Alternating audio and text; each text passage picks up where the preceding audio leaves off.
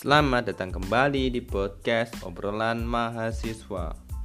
Sudah sekitar dua bulan lebih tidak ada rekaman podcast sama sekali. Ya seolah-olah tidak ada rekaman lagi, tidak ada konten lagi yang dibuat dalam podcast obrolan mahasiswa. Tapi setelah hampir ya sekitar dua bulan saya memutuskan bahwa tidak seharusnya podcast ini berakhir pada episode ke-21. Akhirnya saya membuat episode yang ke-22 agar kelangsungan obrolan yang ada, apa yang saya bicarakan dapat ya minimal menjadi informasi entah penting atau tidak, tapi saya akan mencoba untuk menyampaikannya.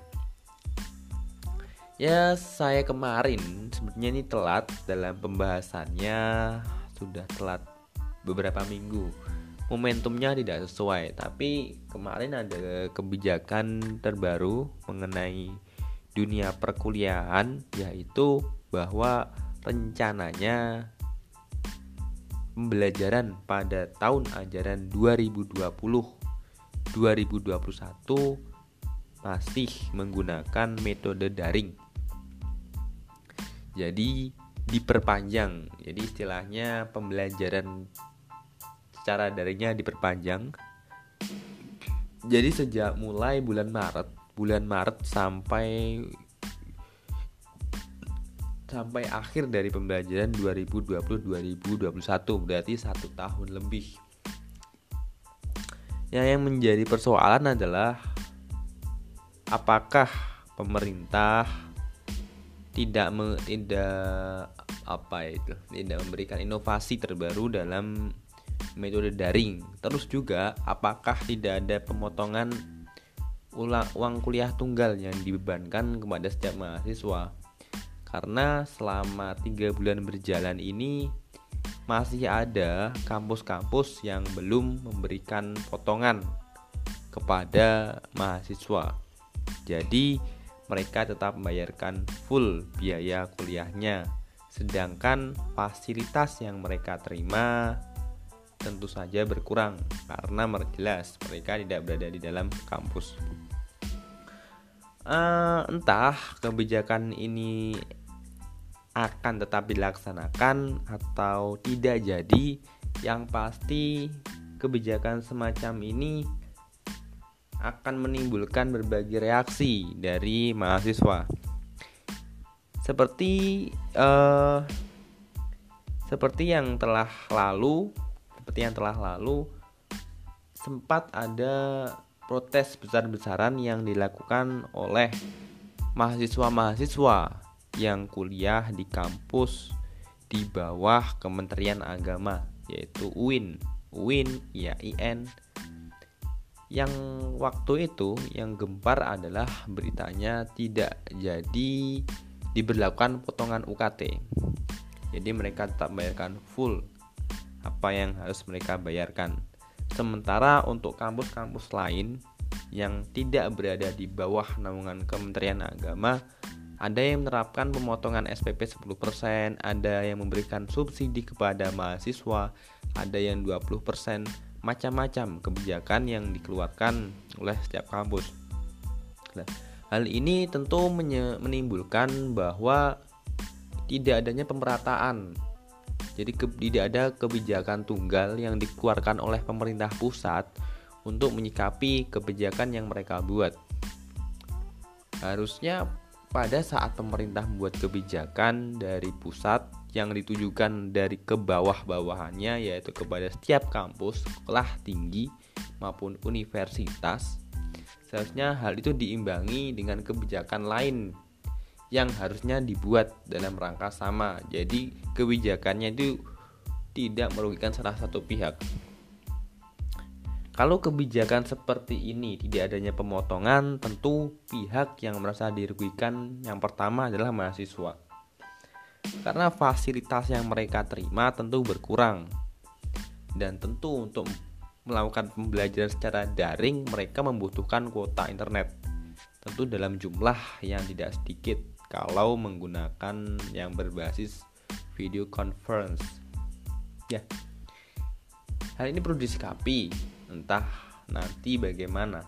Harus ada keputusan dari pemerintah pusat mungkin penyeragaman pemotongan. Yang jelas yang dibutuhkan mahasiswa itu adalah pemotongan saya kira mahasiswa tentu sudah memahami bagaimana resiko dari COVID-19 mereka juga memaklumi mereka juga akan menaati kebijakan yang sudah dibuat oleh pemerintah pusat namun tanpa adanya pemotongan tentu menimbulkan polemik yang lain, tentu menimbulkan permasalahan yang lain yaitu permasalahan ekonomi.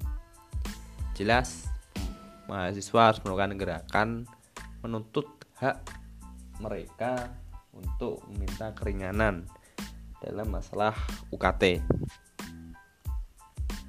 Saya kira kebijakan tersebut harus diimbangi bagaimana tenaga pendidik yaitu dosen harus memang yang sudah berkompeten dalam hal seperti ini. Karena saya lihat ada beberapa yang dalam penyampaian materinya sangat kontras dengan yang dilakukan secara tatap muka secara langsung. Tentu hal ini menjadi masalah kedua, berarti tidak efektifnya pembelajaran secara daring. Ya tadi masalah pertama adalah masalah UKT yang ada beberapa kampus yang belum ada pemotongan. Yang kedua adalah tenaga pendidik kalau membuat pelatihan tentu ini bukan waktunya. Waktunya terlalu mepet. Ya mungkin hal ini menjadi evaluasi. Kita bersiap-siap selama satu tahun ke depan akan menerima ya mahasiswa. Bosan atau tidak yang jelas kita berharap apa yang akan terjadi kelak apa yang akan terjadi di masa yang akan datang semoga saja akan berlangsung baik-baik saja tidak masalah. Semua berjalan dengan normal semua berjalan dengan lancar.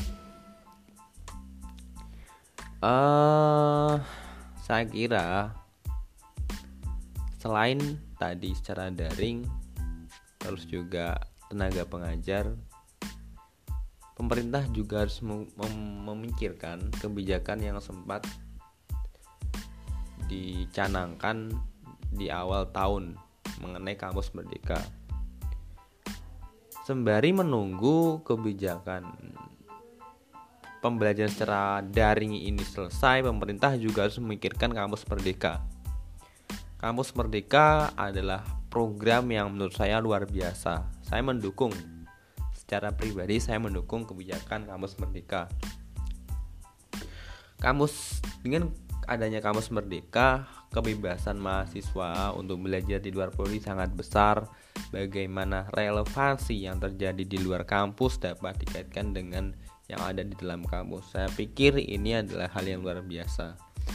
Maka dari itu menurut saya setelah pemecahan masalah yang terjadi pada saat kebijakan mengenai pembelajaran secara daring yang diperpanjang setelah masalah itu selesai, pemerintah harus cepat-cepat memikirkan, mengkaji lebih dalam mengenai kampus merdeka.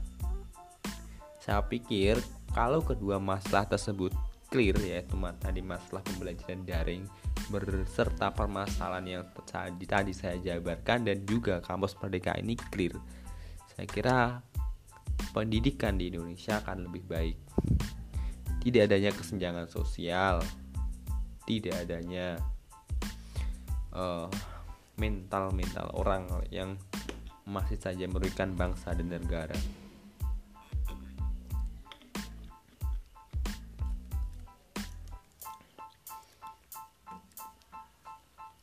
um, atau juga pemerintah harus cerdas.